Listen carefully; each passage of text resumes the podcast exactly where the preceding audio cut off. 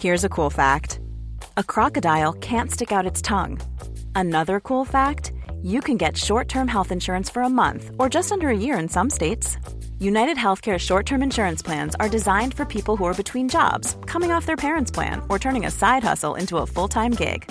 Underwritten by Golden Rule Insurance Company, they offer flexible, budget friendly coverage with access to a nationwide network of doctors and hospitals. Get more cool facts about United Healthcare short term plans at uh1.com. Many of us have those stubborn pounds that seem impossible to lose, no matter how good we eat or how hard we work out. My solution is PlushCare. PlushCare is a leading telehealth provider with doctors who are there for you day and night to partner with you in your weight loss journey. They can prescribe FDA-approved weight loss medications like Wagovi and Zepbound for those who qualify. Plus, they accept most insurance plans. To get started, visit plushcare.com slash weight loss. That's plushcare.com slash weight loss. Burrow's furniture is built for the way you live. From ensuring easy assembly and disassembly to honoring highly requested new colors for their award-winning seating, they always have their customers in mind. Their modular seating is made out of durable materials to last and grow with you. And with Burrow, you always get fast, free shipping. Get up to 60% off during Burrow's Memorial Day sale at burrow.com slash ACAST. That's burrow.com slash ACAST. burrow.com slash ACAST. Helt siden de første menneskene slo seg ned i Trøndelag, har det blitt observert underlige lys over Hessdalen. Fenomenet har blitt forsøkt bortforklart som syner sett av bygdetullinger og deliriske hallusinasjoner forårsaket av den lokale drikkekulturen. Men det skulle vise seg at fenomenet stakk langt dypere når Hessdalen-fenomenet fikk verdensomspennende oppmerksomhet i ufo-miljøet på 1980-tallet. Fenomenet er fremdeles der, og det er fremdeles like uforklarlig som den gang. I 2024 kommer en podkastserie i seks deler, produsert av Project Hessdalen, som kanskje en gang for alle skal finne svar på hva som rører seg på himmelen i denne bortgjemte dalen i Trøndelag. Serien har som seg hør og bør fått tittelen A Blaze in the Northern Sky, og den kommer til din favorittpodkastavspiller i 2024.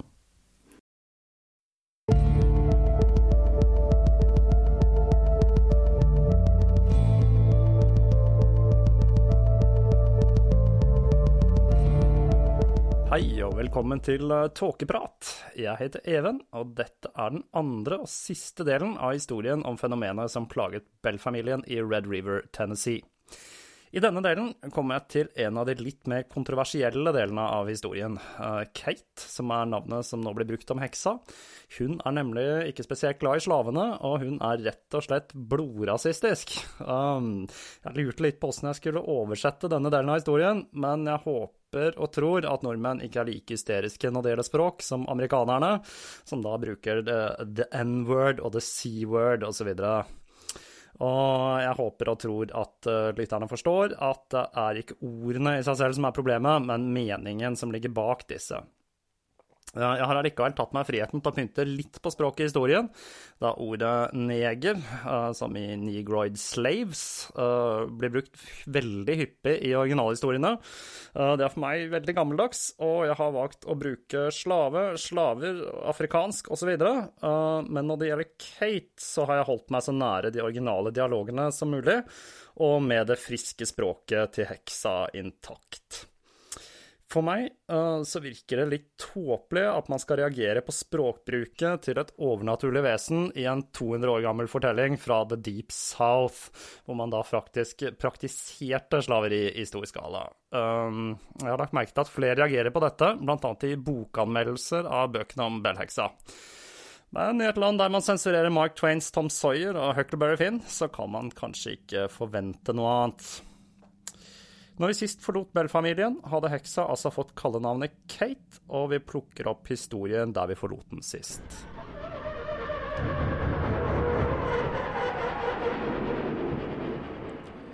Det neste som skjedde i historien om Bell-familien, er at heksa utvikler fire forskjellige karakterer.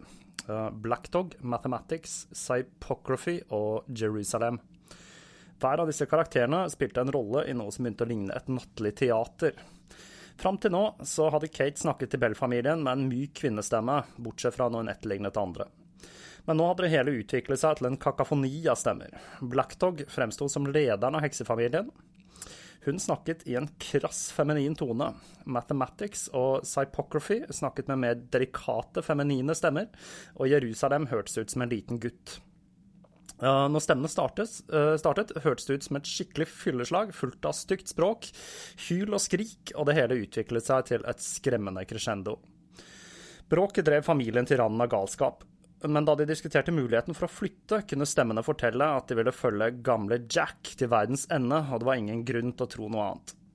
Mange av de besøkende ble skremt vekk av stemmene, men noen av de mest trofaste naboene og vennene, som James Johnson og sønnen hans, Gunn-familien, Fort-familien Gooch, familien Porter, Fran Miles, Jerry Batts, Major Bart, uh, Bartlett, Burns og Picketing forsøkte alt de kunne å avlaste familien ved å føre samtaler med heksa. En typisk kveld ville starte med at hver av personlighetene sang hver sin sang, og de ville deretter begynne å krangle og skjelle hverandre ut med blasfemiske forbannelser. Til slutt ville Black Dog megle mellom de kranglende stemmene og true de andre til å slutte å krangle. Til slutt vil det hele ende med at Blackdog sendte en eller flere av karakterene av gårde for å utføre ugjerninger andre steder, mens et par ble igjen for å utføre de vanlige forstyrrelsene i Bellhuset. En gang opptrådde alle karakterene som om de var fulle, med snøvlende stemmer og lukten av whisky kunne kjennes i huset. Blackdog kunne da fortelle at de hadde fått tak i whisky fra John Gardners destilleri, etter hvert begynte stemmen å synge i en vakker flerstemt sang, til tilhørernes store begeistring, og dette markerte slutten på fenomenet med de fire karakterene. Etter dette var det kun Kate som var igjen.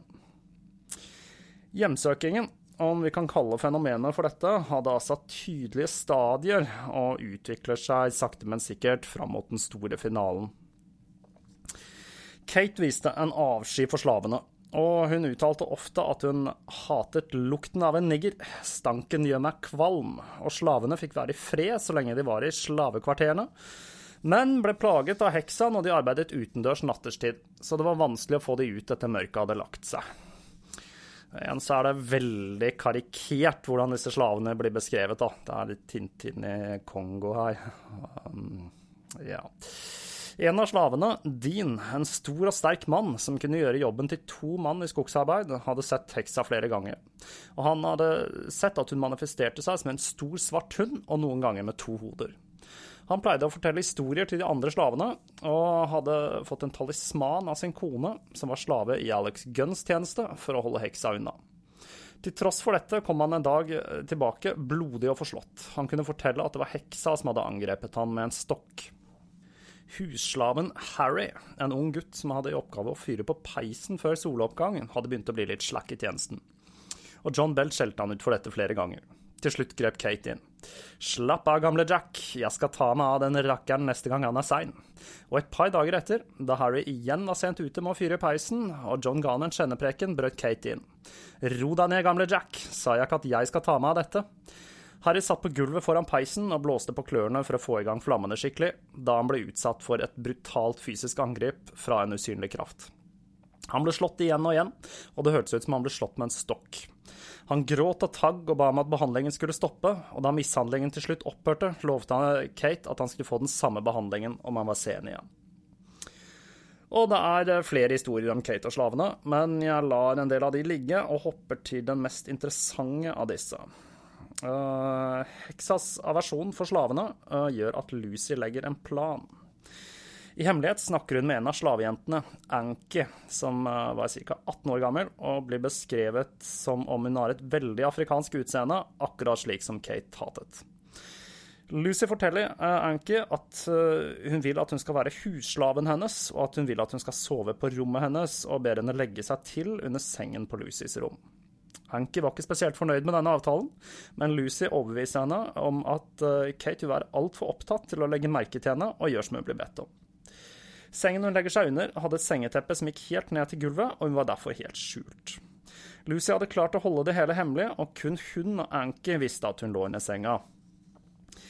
Når kvelden nærmet seg, begynte de besøkende å strømme til, og de snakket seg imellom mens de ventet på at Kate skulle dukke opp. Og plutselig høres stemmen til heksa. Det er en jævla nigger i huset. Det er Ank. Jeg lukter henne under senga, og hun må ut nå. og lyden av harking og spytting kunne høres fra under senga, og Anki ruller vettskremt ut fra skjulestedet. Ansiktet hennes var dekket av hvitt skum som hun var dekket av spytt, og hun løp skrikende tilbake til slavekvarterene. Kate spurte Lucy. Luce, var det du som tok den niggeren inn i huset? Ja, svarte Lucy. Jeg fortalte henne at hun kunne ligge under senga hvor hun ville være ute av syne, slik at hun kunne høre deg synge og snakke. Det var det jeg trodde, svarte heksa. Høre meg fikk hun. Ingen andre enn deg, Lus, kunne tenke ut et så smart triks. Om det hadde vært noen andre, så hadde jeg drept den jævla niggeren. Herre Jesus, jeg kommer ikke til å komme over den lukta på en måned. Johnson-brødrene, John og Calvin, var spesielt interessert i å komme til bunns i mysteriet med Kate, og de brukte mye tid på å snakke med heksa. Kate på sin side så ut til å være svært begeistret for Calvin, og en dag får Calvin en idé. Siden heksa kunne fike til folk, så kunne hun kanskje også håndhilse. Calvin spurte heksa om dette, og etter en del overbevisning så går Kate med på dette, så lenge han lover å ikke holde fast i henne. Han strakk ut hånden, og en usynlig hånd tok et fast tak i hånden hans. Han beskrev dette senere som en myk damehånd. John Johnson ville også ta heksa i hånden, men Kate nektet. Nei, John, du vil bare forsøke å fange meg. John fortsatte å forsøke å overbevise henne, men heksa nektet og sa Jeg kjenner deg, Jack Johnson, du er en luring som vil forsøke å finne ut av hvem jeg er, og jeg stoler ikke på deg. Til sammen skal Kate ha håndhils på to-tre personer.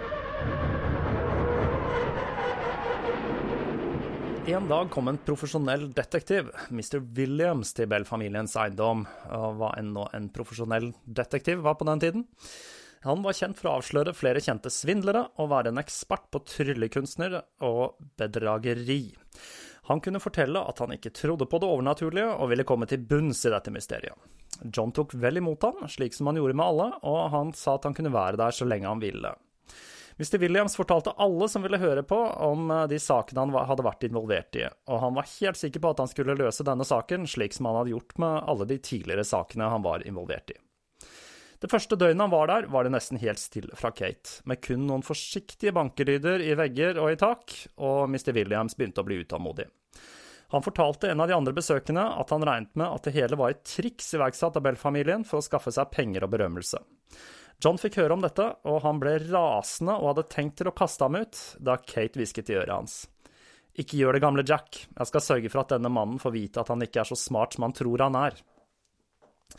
Neste dag og neste kveld var det fremdeles ingen tegn til heksa, og alle la seg til å sove. Mr. Williams la seg på en stråmadrass, og lysene ble slukket.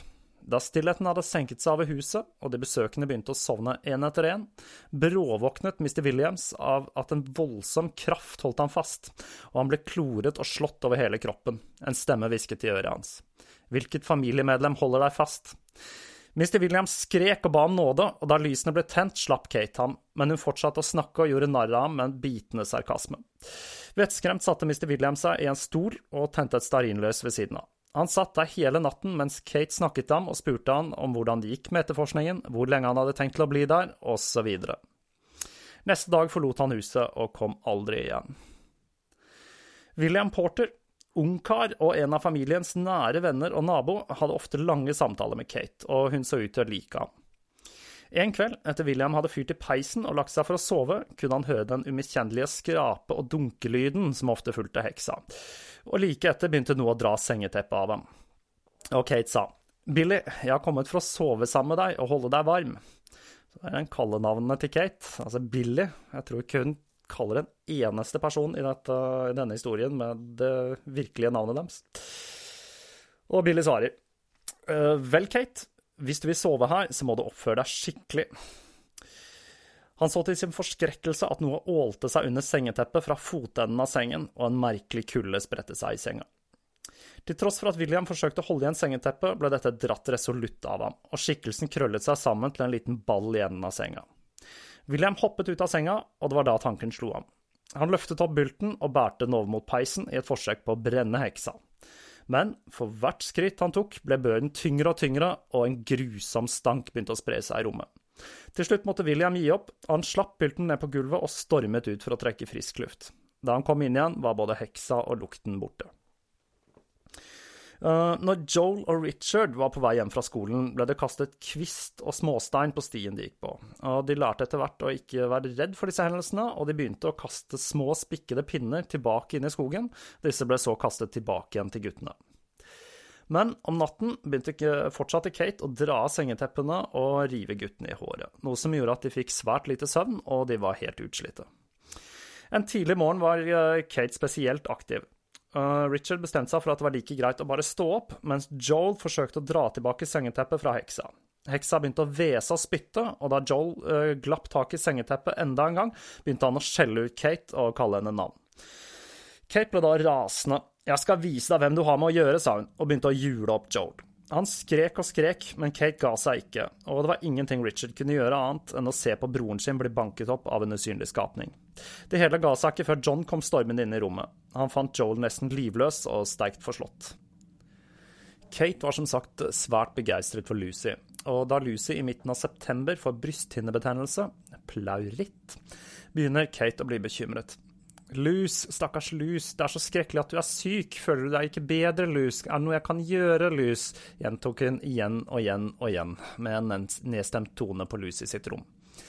Hver gang det virket som om Lucy ble litt bedre, ble straks Kate mer oppstemt. Den konstante bablingen til heksa var nok til å drive enhver person til galskap, men Lucy tok det hele med stoisk ro.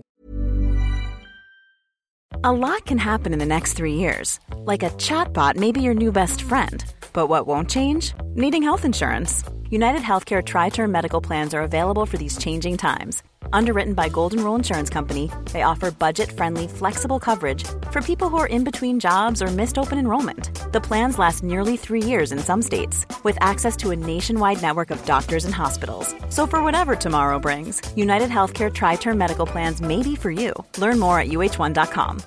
If you're looking for plump lips that last, you need to know about Juvederm lip fillers. With Juvederm Volbella XC and Juvederm Ultra XC, your lip look, whether it's subtle or bold, can last up to one full year with optimal treatment and no additional maintenance. Find a licensed specialist and see if it's right for you at Juvederm.com today. That's J U V E D E R M.com. Add fullness to lips in adults over 21 with Juvederm Volbella XC or Juvederm Ultra XC. Do not use if you have severe allergies or a history of severe allergic reactions, or if you're allergic to lidocaine or the proteins used in Juvederm. Tell your doctor if you have a history of scarring or taking medicines that decrease the body's immune response or that can prolong bleeding. Common side effects include injection site redness, swelling, pain, tenderness, firmness, lumps, bumps, bruising, discoloration, or itching. As with all fillers, there's a rare risk of unintentional injection into a blood vessel, which can cause vision abnormalities, blindness, stroke, temporary scabs, or scarring.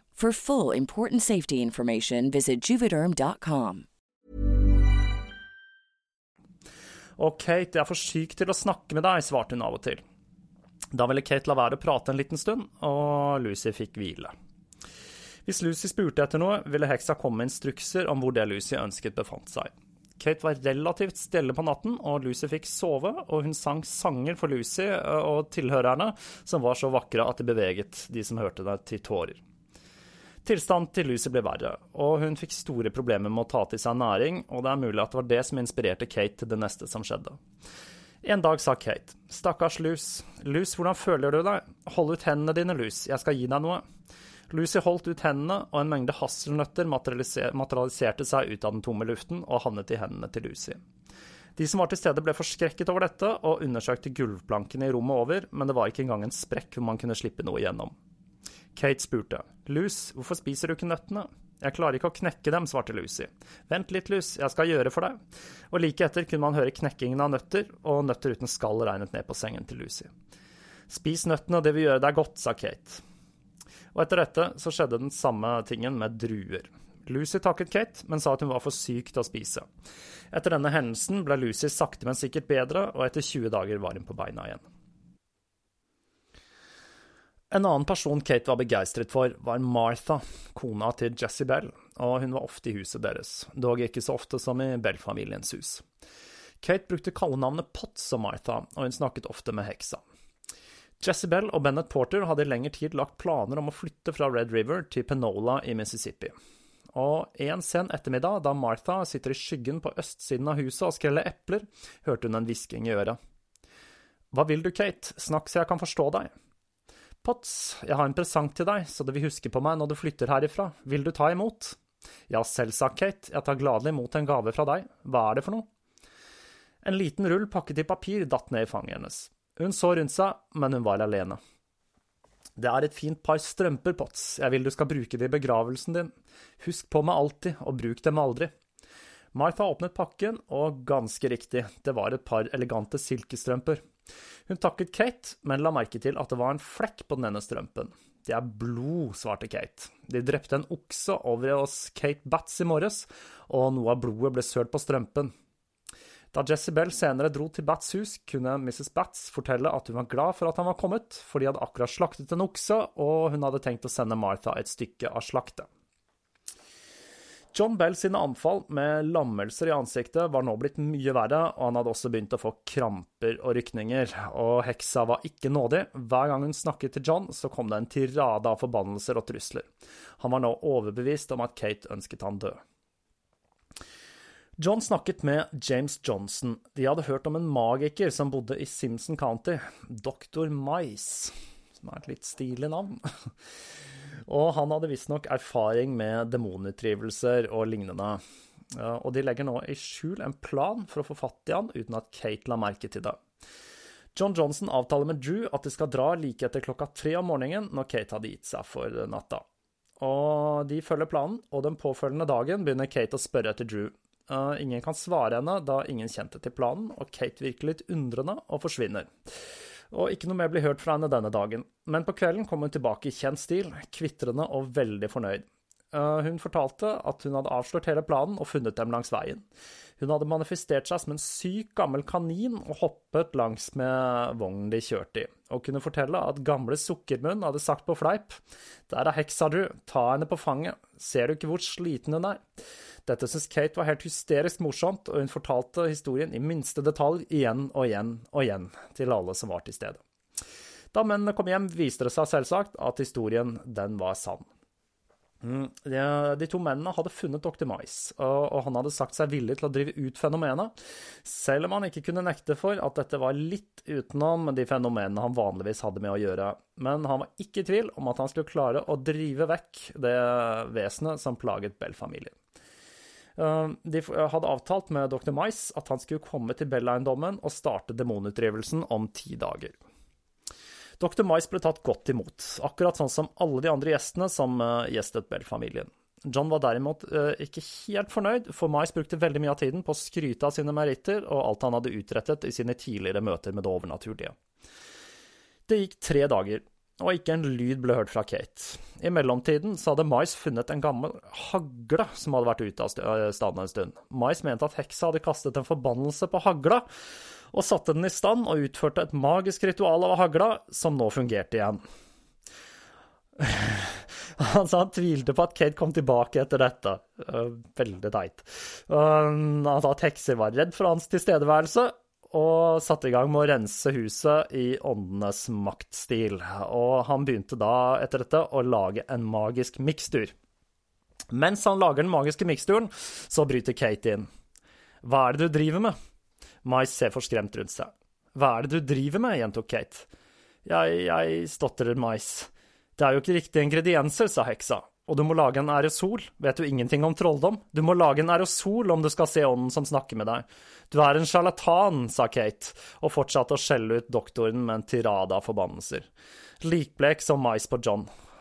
Den tingen, den vet mer om magi enn hva jeg gjør, her kan jeg ikke utrette noe. Og tidlig neste morgen gjorde Mai seg klar for avreise. Men hesten nekter å rikke seg av flekken, og Kate kommer til unnsetning. Skal jeg hjelpe deg? og med det steilet hesten og satte av gårde i full galopp, med doktoren klamrende fast i manen. Og som vanlig underholder Kate med historier om hendelsen. Hun forteller lattermild om hvordan hun hadde tatt knekken på svindleren Mais, om, om, hvordan hun hadde fulgt ham hele veien hjem til Simpson, og om alle triksene hun hadde utsatt ham for på hjemveien.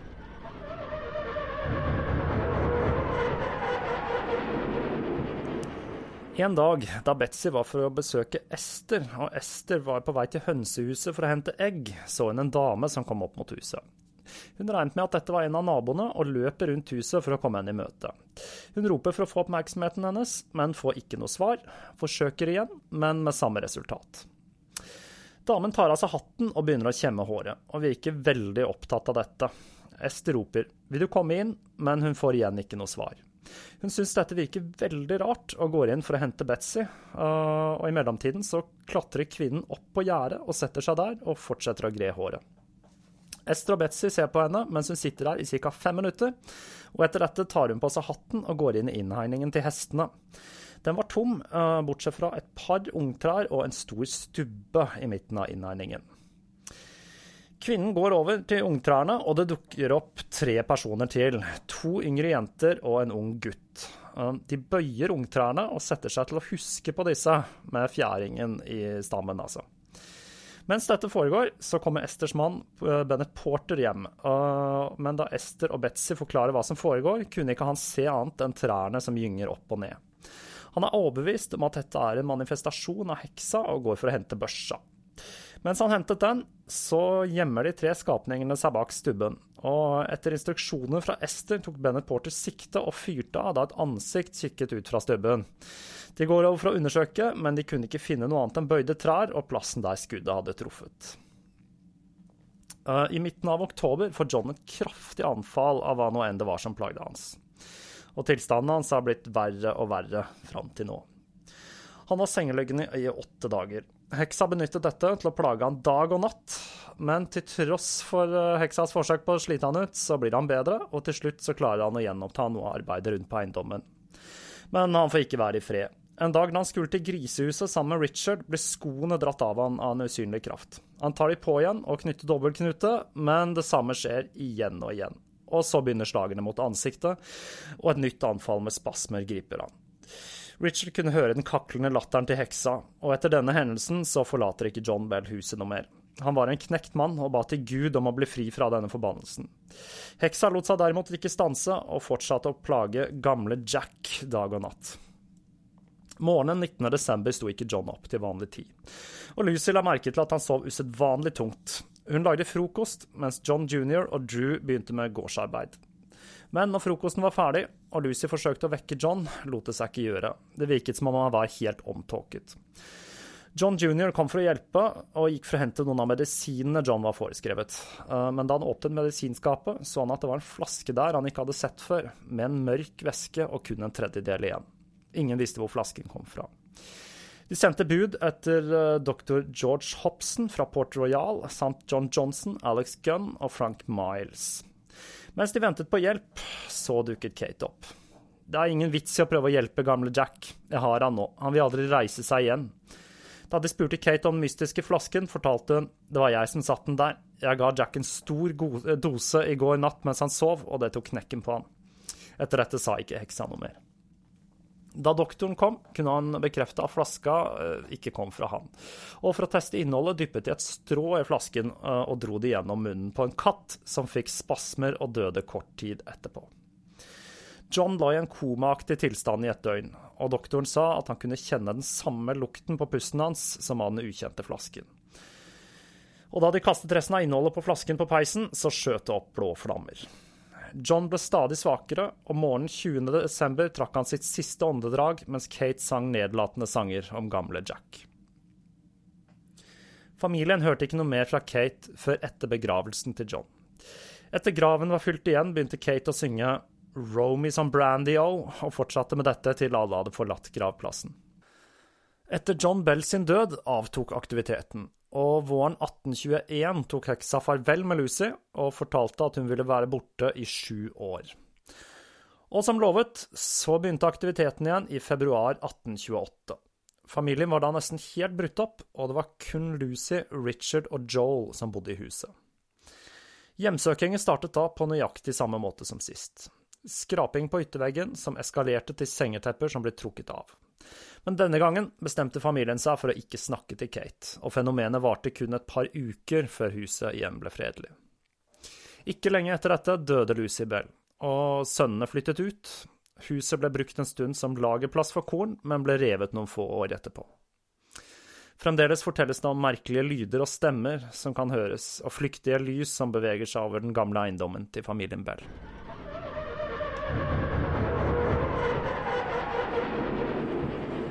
Historien om eh, Bell-heksa er fascinerende på mange plan.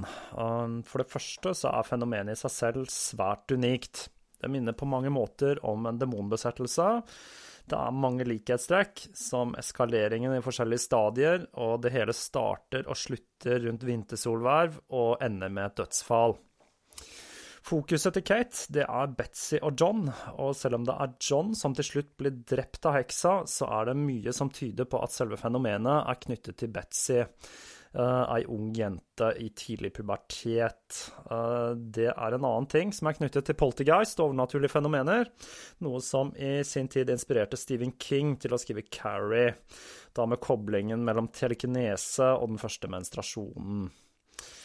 Der dette fenomenet skiller seg veldig fra en demonisk besettelse, er i heksas deltakelse i gudstjenester og kunnskap om Bibelen.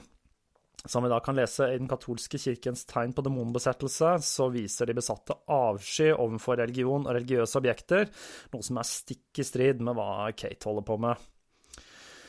Og det er også en slags gåte i denne historien. Altså, hvorfor kommer Kate? Hvem eller hva er hun? Hvor kommer hun fra? Og hvorfor Betzy og John?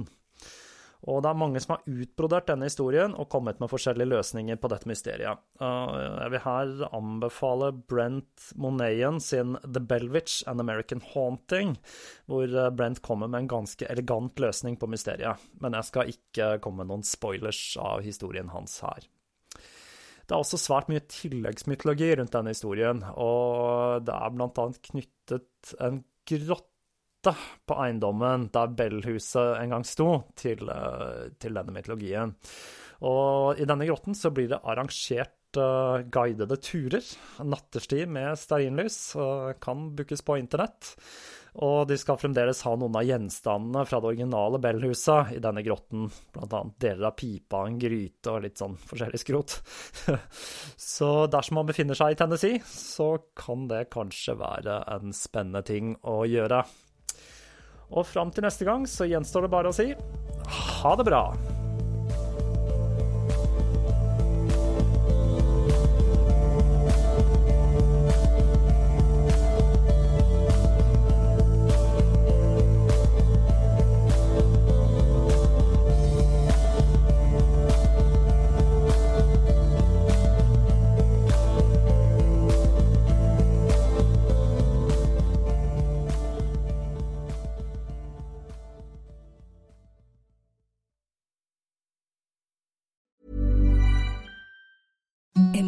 Softest sheets you've ever felt. Now imagine them getting even softer over time. That's what you'll feel with Bowl and Branch's organic cotton sheets. In a recent customer survey, 96% replied that Bowl and Branch sheets get softer with every wash. Start getting your best night's sleep in these sheets that get softer and softer for years to come. Try their sheets with a 30-night guarantee. Plus, get 15% off your first order at bowlandbranch.com. Code BUTTERY. Exclusions apply. See site for details.